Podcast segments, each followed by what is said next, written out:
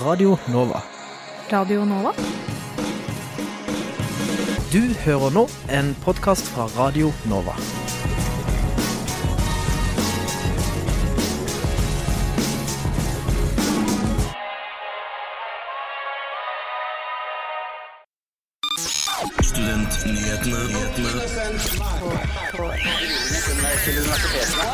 Hjertelig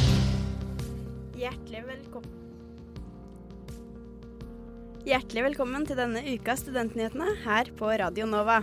I studio er Celine Stensrud, og Magnus Tuna, i dag så skal vi snakke om hvordan er det å få omgangssyke på påskefjellet?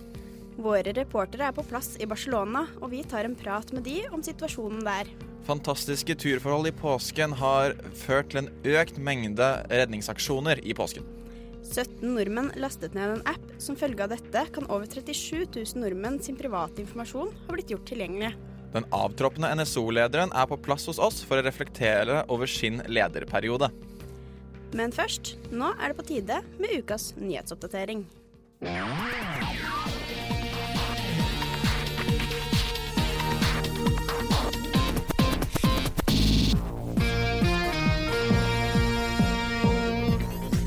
Tor Mikkel Wara har blitt ny justisminister. Frp-politikeren har tidligere sittet på Stortinget og jobbet som kommunikasjonsrådgiver både i Frp og i kommersiell PR. Han vil overta etter at Sylvi Listhaug ble sparket som justisminister i mars. Wara var en godt kjent politiker på 90-tallet og var på et tidspunkt en av favorittene til å ta over som partileder da partiet ble styrt av Carl I. Hagen. Forbrukerrådet klager Facebook inn til Datatilsynet for brudd på europeiske personvernlover. Dette er koordinert med ni søsterorganisasjoner i seks europeiske land, ifølge Forbrukerrådet.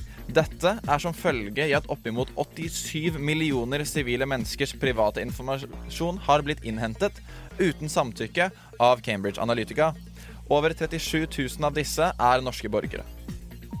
I en ny mentalerklæring kommer det fram at Petter, at Peter Madsen, også kjent som Ubåt-Madsen, ikke uttrykker anger, skyld eller medlidenhet over offeret eller de pårørende.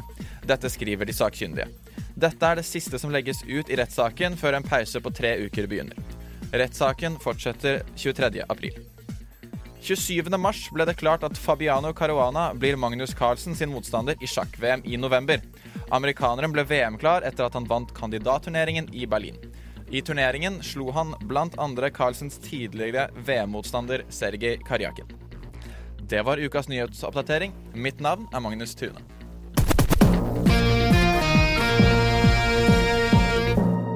Snart skal du få høre hvordan det var å få omgangssyken på påskefjellet, men først skal vi høre Hjelp med gule lys.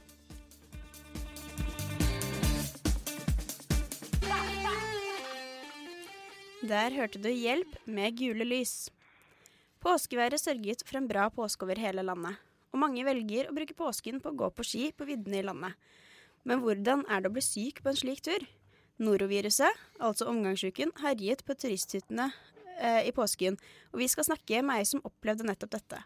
Vi har da med oss Hedda Federici på telefonen. Hallo? Hei, hei. Hei. Eh, du har vært på skitur på Hardangervidda i påsken. Ja. Eh, hva var planen deres for den turen?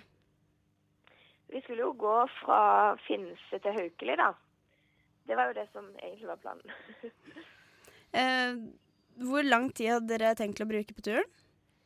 eh, vi hadde vel tenkt å bruke fem dager fra Finse til Haukeli.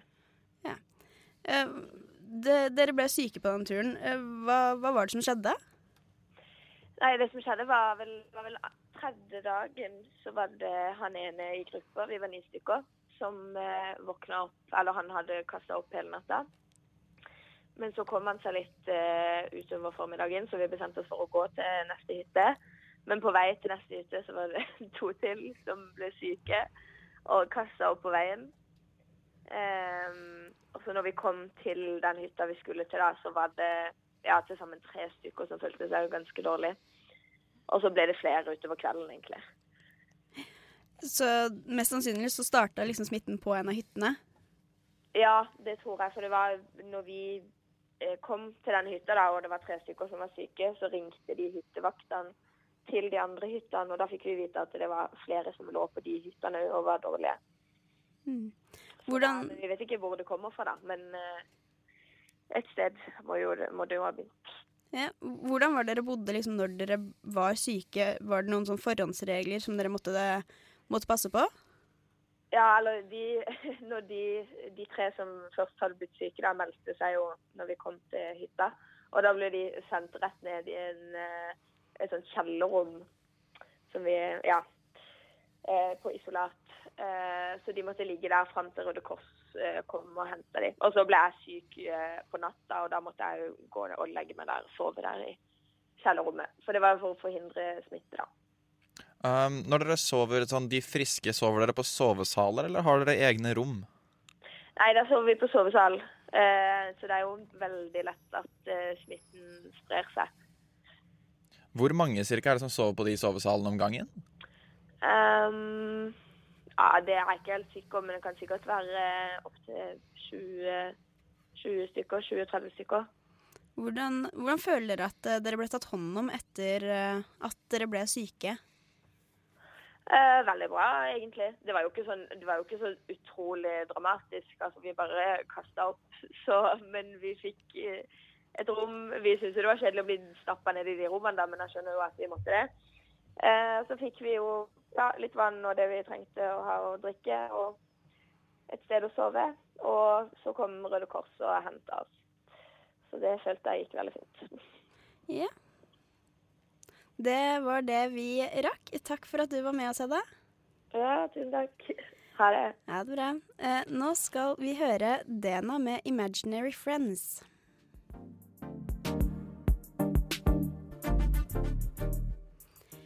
Der hørte du Dena med 'Imaginary Friends'. Nå skal vi til eh, Barcelona, hvor våre reportere er på plass. Hei, hei. Hei sann, Marius her. Hei. Hvordan har dere det? Eh, jeg har det veldig bra, eh, og det tror jeg generelt er stemninga stemningen her, eller hva sier dere? Kjempebra. Akkurat nå så er vi på vei til stranda.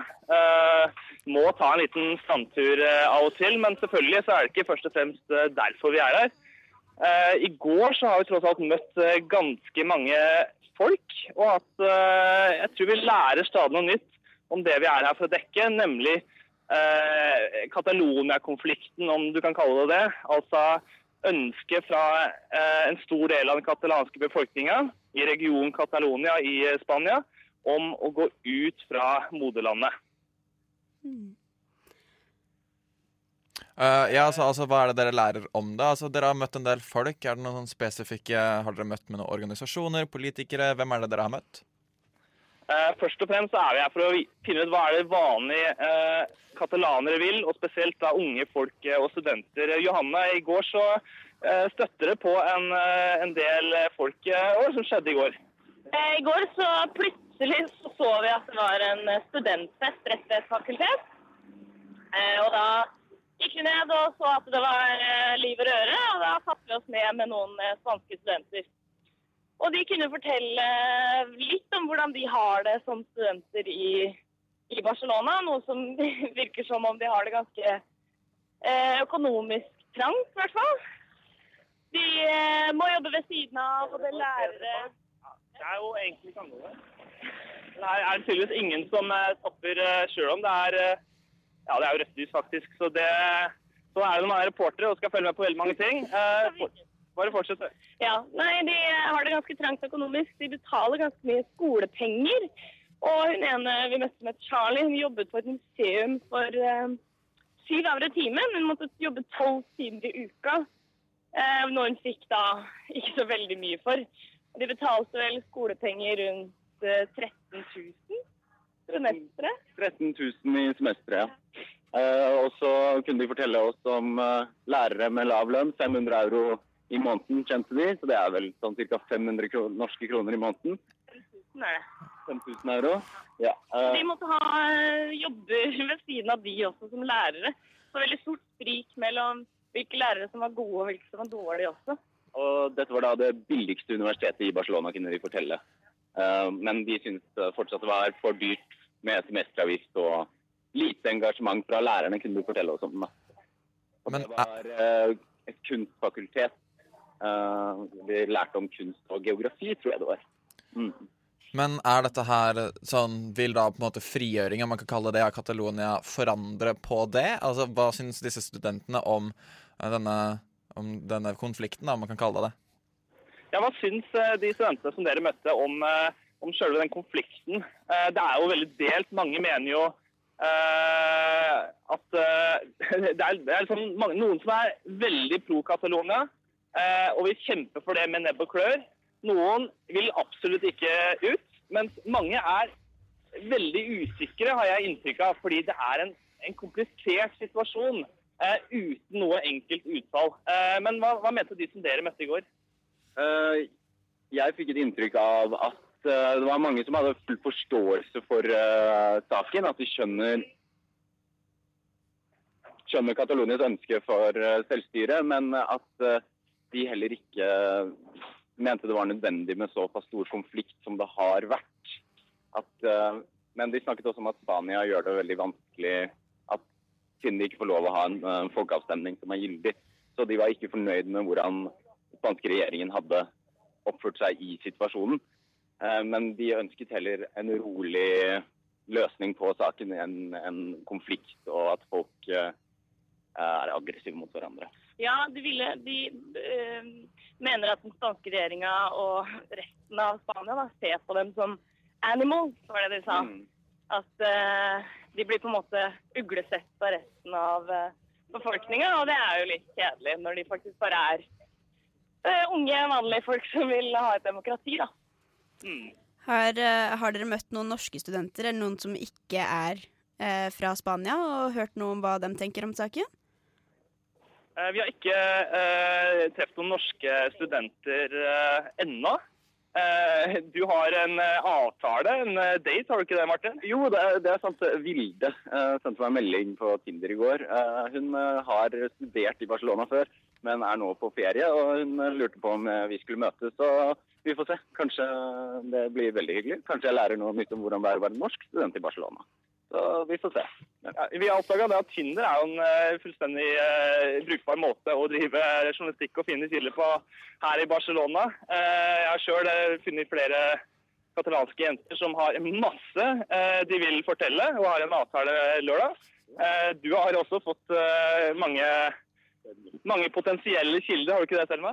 Jo, jeg har, eh, jeg har skrevet til veldig mange og sendt en sånn fellesmelding. Og jeg har spurt om de kan møte meg for å bli intervjuet. Det er mange som vil møte oss. Det er noen som blir ganske sure av guttene som sier sånn nei, nei, jeg vil ikke snakke om det, de ville bare gå på date. Så. Ja. Det er, eh, det er spennende å være journalist i Catalonia. Eh, Nå går vi ned langs Pablenogata og er snart på stranda, og der regner jeg med at dere vil høre mer fra oss. Ja, vi skal snakke med dere litt seinere i eh, sendinga. Eh, Det var da altså våre reportere i Barcelona. Eh, Snart så skal du få høre om hvordan Røde Kors har takla årets skadepåske. Men først skal vi høre OK Kaja med 'Dance Like You'.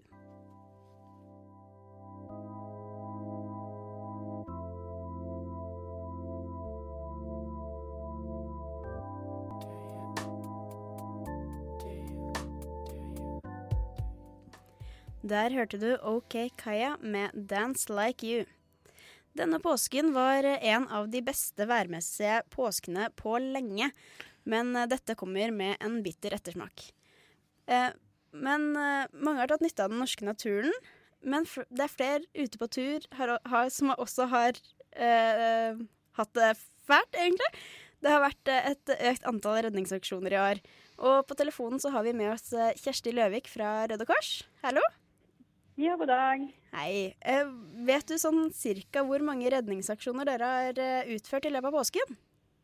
Ja, vi har eh, hatt 987 skader i løpet av påska.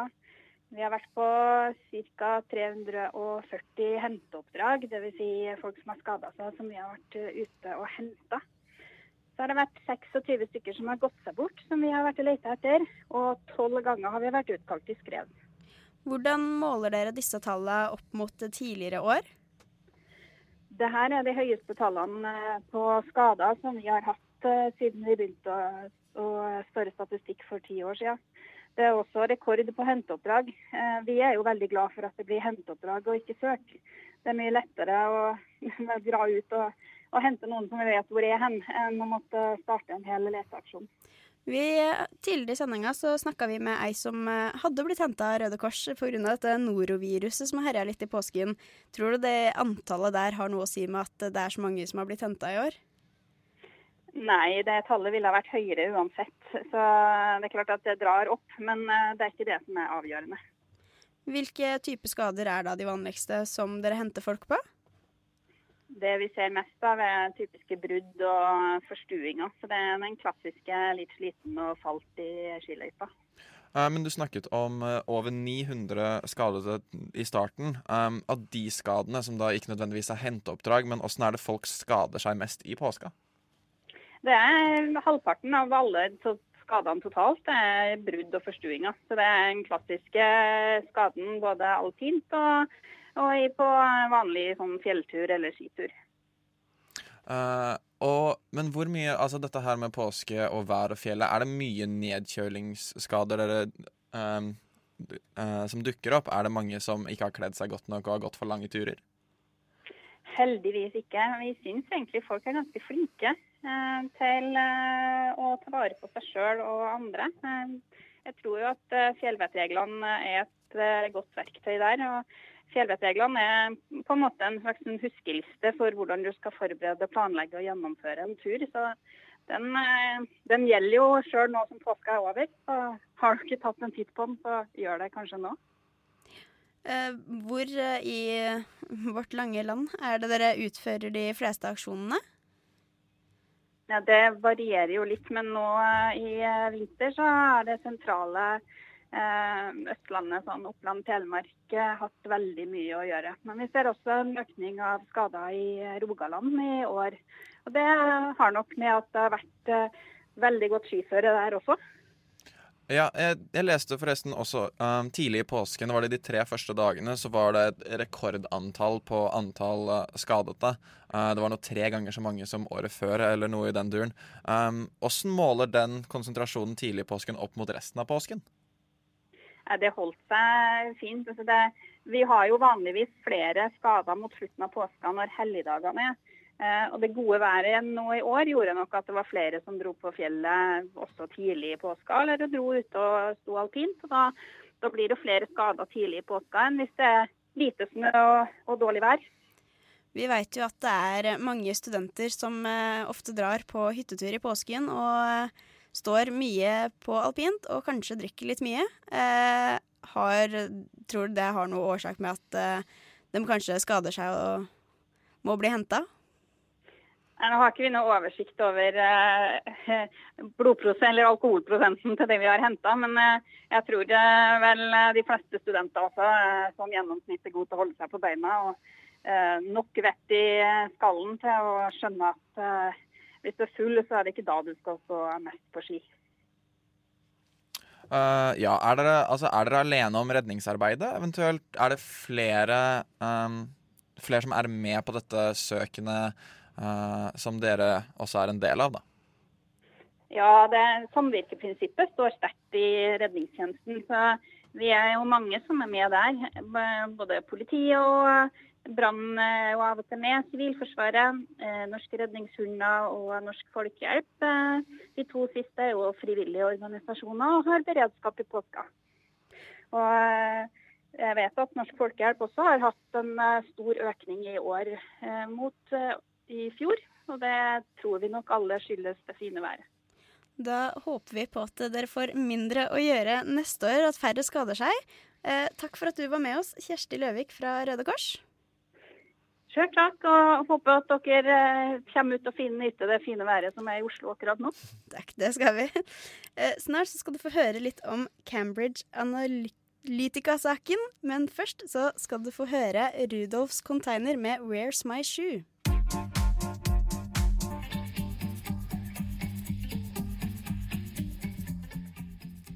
Der hørte du Rudolfs Container med Where's My Shoe. Eh, tidligere i år ble det kjent at firmaet Cambridge Analytica hadde brukt Facebook for å innsamle privat informasjon fra sivile over hele verden. Denne informasjonen ble innhentet uten samtykke. Hensikten med denne innsamlingen var å samle inn informasjon for å kunne lage målrettet politisk reklame. Cambridge Analytica var en av støttespillerne til Trump under valgkampen hans. I den sammenheng har vi fått med oss Finn Myrstad fra Forbrukerrådet. Velkommen til deg. Takk for det. Hva er det som har skjedd? Eh, Har eh, Cambridge Analytica jobbet sammen med Facebook for å samle inn denne informasjonen? Ja, både ja og nei. Eh, Facebook har hatt lenge, de har endra litt på det nå, hatt en mulighet som gjorde at eh, andre selskaper kunne logge seg på Facebook-plattformen. Gjerne enten via en såkalt Facebook-pålogging, sånn som du kanskje gjør når du bruker andre apper, eller at du har brukt apper via Facebook-plattformen. Men hver gang du gjorde det, i hvert fall, så var det sånn at eh, du gir fra deg litt informasjon. Og før så var det veldig mye informasjon. Det kunne være hvem du er, hvor du er født, e-posten din, all den offentlige profilen på Facebook. Og det kunne da inkludere, i det tilfellet her, eh, vennene dine og deres profiler. Så i løpet av eh, kort tid så klarte Cambridge Analytica gjennom en app som ca. 200 000 brukere lasta ned, samle inn informasjon kanskje opp mot 87 millioner brukere på 1, 2, 3. I løpet av en kort periode på noen måneder. Så det var en veldig vanvittig innsamling av data. Eh, i, I hvor stor grad er det vi på en måte blir overvåka på sosiale medier? Hvor mye veit de om oss? De vet ekstremt mye om oss. Uh, bare for å illustrere det litt, så Facebook uh, registrerer selvfølgelig når du laster opp et bilde, når du chatter i Facebook Messenger. Men det de i tillegg gjør, er at de, de sporer oss på rundt 13-14 millioner nettsider utenfor Facebook også. Eh, I tillegg til at de kjøper inn informasjon av andre selskaper som sporer oss på andre plattformer. Så Facebook har ganske god oversikt eh, over livet vårt. Også I tillegg så har du, hvis du har eh, Messenger-appen eller Instagram eller WhatsApp, som er alle Facebook-eide selskaper, så samler de også ekstremt mye informasjon om deg via mobiltelefonen din. Så de har sannsynligvis bedre innsikt i våre liv enn det vi sjøl har. Ja, altså, um, altså Du snakker om apper her. Det var en app som startet det hele. Altså denne her This is your digital life. Uh, leste jeg. Det var 17 nordmenn som lastet den ned, altså 200 000, um, og, som på verdensbasis, Mm. som da har blitt enormt Altså over 37 000 nordmenn har blitt rammet, 87 millioner nærmere på verdensbasis. Um, hva, er det, hva er denne appen, først og fremst? Du, jeg har faktisk ikke testa appen sjøl. Eh, jeg tror det var et sånt eh, et spørreundersøkelse eller noe sånt. De skulle, du skulle svare på en del spørsmål osv. Så, videre. så tror jeg mange brukere fikk betalt for å bruke den, så det var et insentiv. da. Men det de ikke ble informert om, var jo på en god måte, var jo at de ga fra seg informasjon om seg sjøl, men også om alle vennene sine. Eh, og det vi er veldig kritiske til her, er jo at Facebook hadde den Det her var en mulighet alle kunne bruke. Så vi er jo kritiske også til Facebook her, som ikke har gjort en spesielt god jobb. Eh, og vi klagde faktisk inn Facebook i 2010 til norske Datatilsynet, nettopp pga. den feilen, feilen i hermetegn som de hadde i systemet sitt. Som var helt eh, tenkt å ha. ja. Er det mulig at det er flere firmaer enn Cambridge Analytica som har tatt utnytte av dette her? Vi bare vet ikke om det? Det er et veldig godt spørsmål, og jeg frykter at svaret til det er ja. Eh, når vi meldte inn eh, Facebook til Datatilsynet i 2010, så meldte vi inn en spillapp som vi mente samla inn altfor mye informasjon om de brukerne. Eh, og vi vet jo fra andre saker at eh, selskaper kynisk eh, bruker de mulighetene som finnes. Og her la jo da Facebook til rette for en sånn vanvittig datahøsting, som vi kaller det. Du nevner jo dette at eh, dere har meldt inn til Datatilsynet. Hva er det dere ber Facebook på en måte om å konkret gjøre for å endre dette her? Nei, vi har bedt Datatilsynet om å prøve å finne ut hva er det som har skjedd. Er som, hvordan er vi berørt, som vi som brukere? Eh, og så jeg håper vi å få en dialog med Facebook om å, å endre det de trenger å gjøre. Én, finne ut hva som har skjedd. To, finne ut hvor mange er det som har blitt berørt i den konkrete saken. Tre, hvor mange er det som er berørt av lignende datalekkasjer. Og så kommer vi til det som bør skje framover. De bør jo da lage mye bedre standardinnstillinger på Facebook, sånn at du og jeg kan begrense den informasjonen vi deler med andre. Eh, og no, til slutt, nummer fem, er at Facebook må også samle inn mindre informasjon sjøl. Eh, for den vanvittige datainnsamlinga som de driver med, den kan vi ikke skru av i dag. Du kan gå inn og justere, det er vanskelig, men du kan justere hva du deler med dine venner. hva også til en viss grad hva Facebook deler med andre. Men du kan ikke skru av det Facebook samler om deg. Og der mener vi det bør skje store endringer. Eh, Det er blitt sagt nå 37 000 nordmenn som eh, har blitt ramma av denne innsamlingen av informasjon. Eh, er det mulig å finne ut om man selv er ramma? Sånn, hvis det hadde skjedd med meg, hadde jeg kunnet finne ut av det? Det er et veldig godt spørsmål. Eh, jeg tror ikke nødvendigvis det er så lett. Men nå har Facebook sagt at de skal gi beskjed til alle brukerne som er berørt på mandag. Så det får vi jo se. Eh, men det vi ønsker er jo at Datatilsynet skal kunne være med på, på den prosessen og passe på at den skjer på en god og fin måte. Um, ja, uh, altså Nå uh, Eh, hva, hva er det som vil skje videre måte med Cambridge Analytica etter denne skandalen? Tror du det kommer til å få noen konsekvenser for dem? Vi håper det. Eh, fordi det de har gjort, er et, eh, et, et stort brudd det brudd på Facebook sine retningslinjer? Det er nå det ene. De eh, Det kan tyde på at de har brutt loven i mange land. Eh, det vi er bekymra for, er at det finnes mange Cambridge Analytikere der ute. Eh, og det er lett å misbruke din og min personlige informasjon. Eh, og det syns vi ikke er greit. Så vi ønsker jo en overordna en mye større åpenhet rundt den dataen som samles inn. For i dag eh, så er det um umulig for oss å ta gode valg som forbrukere. Eh, du vet disse vilkårene som vi takker ja til når vi laster ned en app. ikke sant? Leser. Ingen leser det.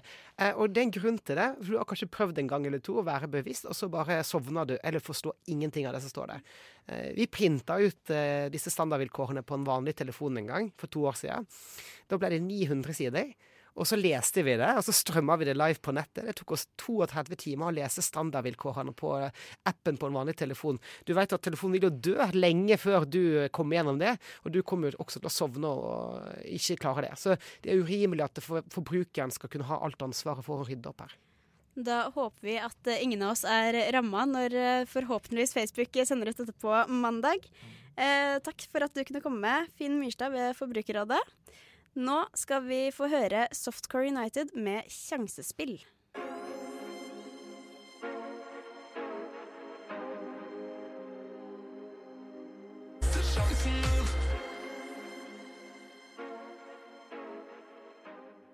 Der hørte du Softcore United med Sjansespill.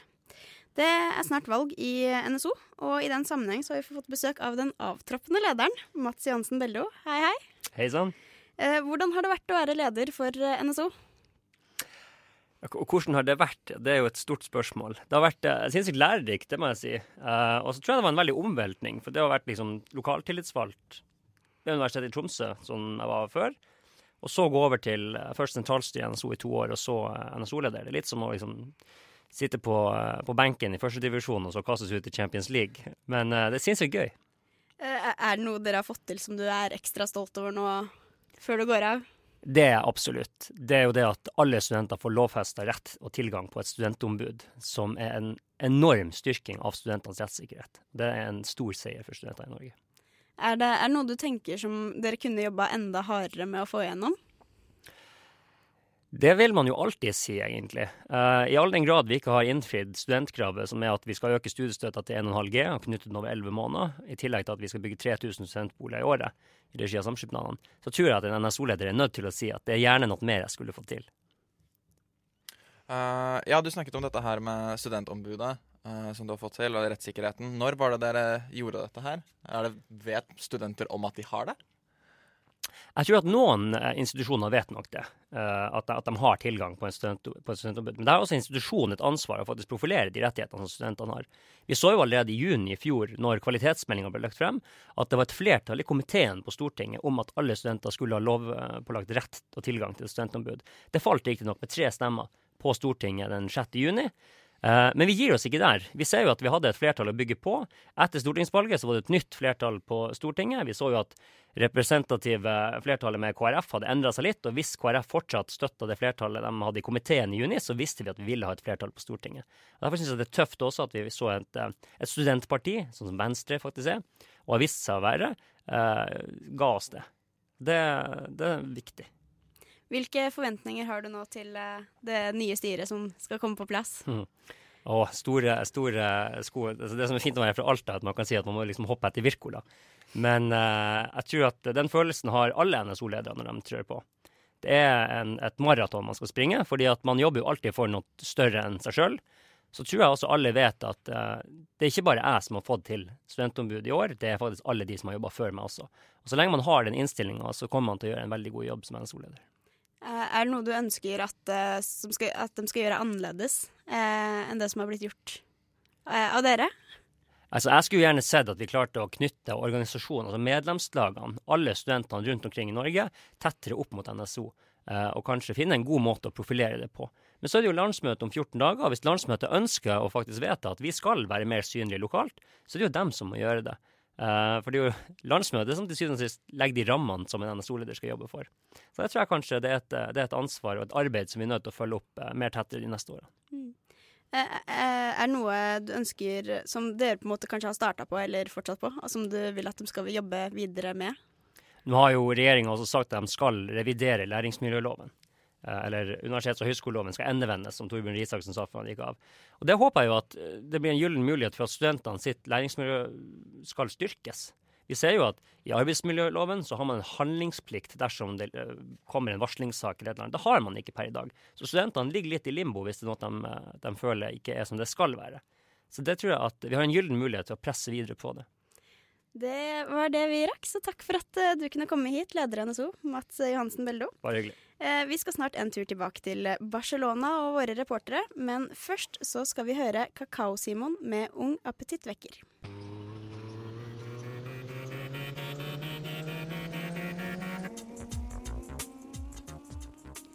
Der hører, hørte du Kakao-Simon med Ung appetittvekker. Og eh, vi har fortsatt kontakt med våre reportere i Barcelona, og eh, hva driver dere med nå? Akkurat nå står eh, vi på stranda i eh, La Playa, eller La Playa det heter, Martin. La playa Pablenu. Og eh, her er det, ja, i forhold til Norge, så er vi ganske heldige. Eh, sola skinner. Det gjør den her òg, med formelle. Det gjør den der også. Det er jo godt, da, så blir vi kanskje ikke så misunnelig. For nå er vi, skal vi ut i Vi er på stranda, og vi skal ut og teste badevannene. Og Johanne og meg har meldt oss eh, frivillig til å eh, prøve det ut. Eh, Gruer du deg? Ja, jeg gruer meg litt. Jeg står og varmer meg fordi jeg tror det er dritkaldt i vannet. Ja, for det er hatt noen kjempevarme dager, men akkurat i dag er det litt sånn kjølig. Det er ingen av katalanerne her som, eller turistene som, som bader. Vi blir de eneste. Skal vi bare begi oss ute, eller? Ja! OK. Fy faen. Der går det ned! Å, fy faen! Å, fy faen, nå! Jeg kan ikke gå lenger nå. Får jeg uti, eller? Okay. Etter jeg Det var bading i Norge. sånn. OK, jeg har kun beina ned, for jeg, jeg, har ikke lyst jeg har ikke lyst til å havne under vann, og det er ganske fort dypt der. Men det er ikke Hva, hva vil dere si at temperaturen ligger på? Ja, hva tror du, eh, Johanne? Temperaturen Jeg tror det er det jeg trodde i stad. Ca. 14, kanskje 15. Det er sånn vårtemperaturer i Norge, egentlig. mm. Det er kanskje det samme. Dere får vise at dere er vikinger da, og orke det, sant? For å vise at vi er Vikinger. Ja, vi må gjøre det. Vi må eh, være tøffe, tøffe oss ut for disse eh, spanjolene her. Men eh, det er ikke alle som er eh, fornøyd med eh, at det er så fryktelig mye turister. For, eh, Barcelona er jo en skikkelig turistby. Eh, Lise, hva, hvem er det som eh, eh, ikke liker det? Nei, det har jo vært en kampanje da, som eh, egentlig litt de libertistene, eller de som vil gjerne frigjøre Catalonia, har satt i gang. Eh, hvor de har sagt at de ikke vil ha turister i Barcelona, og de har satt opp masse skilt. Eh, sier f.eks. at de bare roter til og bare skaper problemer. Vi vil ha Barcelona for seg selv. Um, ja. Det går jo også på det at uh, det er mange som er imot sånn Airbnb og leiligheter, for de føler at det tar bort uh, boligmulighetene til de som faktisk bor i Barcelona, ikke bare de turistene som kommer. Uh, så turister er sånn halvvelkomne, men vi føler oss veldig velkomne. da. Ja. Ja. Men vi er jo også en av de skyldige, på en måte. For vi har jo kuppa en eh, veldig fin leilighet ganske sentralt i eh, byen. kan ikke skryte så mye nå. Eh, og jeg kan jo se for meg at noen er litt misunnelige og irriterte på det, men, men jeg snakka med, med en journalist på eh, Vanguardia i går. Eh, Spanias fjerde største avis, og han mente at dette var jo bare tull eh, og idioti. Eh, fordi det altså alle land i verden så å si, jo, gjør jo alt vi kan for å få tak i turister og, og gjøre det attraktivt. Og Barcelona har rett og slett fått det skikkelig til og er eh, en eh, turistperle. Og så skal folk begynne å eh, jage dem vekk. Og eh, ja, det er en annen type reaksjon. Uh, vet du noe om hvor, altså sånn, Med turistbyer som Barcelona, er, ikke, er ikke det veldig godt for økonomien i byen å ha mye turister besøkende? At det, ja, klart. Og det er jo eh, en av de aller største eh, Han journalisten mente det var sånn 30 av eh, eh, BPA-en er, eh, er turistene. Eh, Så det er klart at uten det så er jo Barcelona langt mindre. Det skal jo sies at Dette henger jo også litt sammen med den frigjøringsdebatten. fordi eh, det at eh, Barcelona er eh, jeg mener er den sterkeste, økonomisk sterkeste regionen i eh, Spania. Eh, Og mange katalanere eh, føler jo det da at eh, det, at de, de liksom gir penger da til resten av landet og til Madrid. Eh, fordi det, det gjør de jo. De sender jo, de produserer mer. Da sender du ut på en måte eh, penger til resten av landet, bygger veier i resten av landet på en måte. Men sånn er det jo alle andre steder òg. At eh, når man har et land eh, Penger sendes jo ut eh, til eh, de fattigere områdene. Sånn er det jo også i, i Norge. Det, det, det var det vi rakk fra Barcelona i dag. Ja. Ja, Så eh, takk for at dere var med oss, og eh, kos dere masse videre. Det skal vi. Vi skal kose oss kjempemye. Skal vi ikke det? Jo. Jo, hurra! Så får dere kose dere her i Norge. Radio Nova er eh, best. Alle, alle, alle, alle andre er tapere. Alle andre- Radio Nova er best. Radio Nova. Mm. Radio Nova. Siden 1982 har Radio Nova gitt deg favorittmusikken din før du visste at du likte den.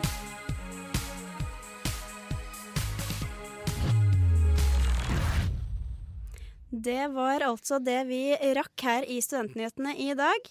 Eh, Følg oss gjerne på Facebook og Instagram. Hør podkastene våre via iTunes, Soundcloud eller på radionova.no. I studio i dag så var eh, meg, Celine Stensrud, og, Magnus Tune. og eh, vår flinke tekniker i dag var Helle Marie Svensson.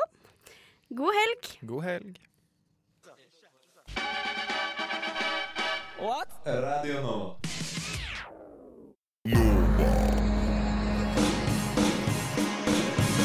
Du har hørt en podkast fra Radio Nova.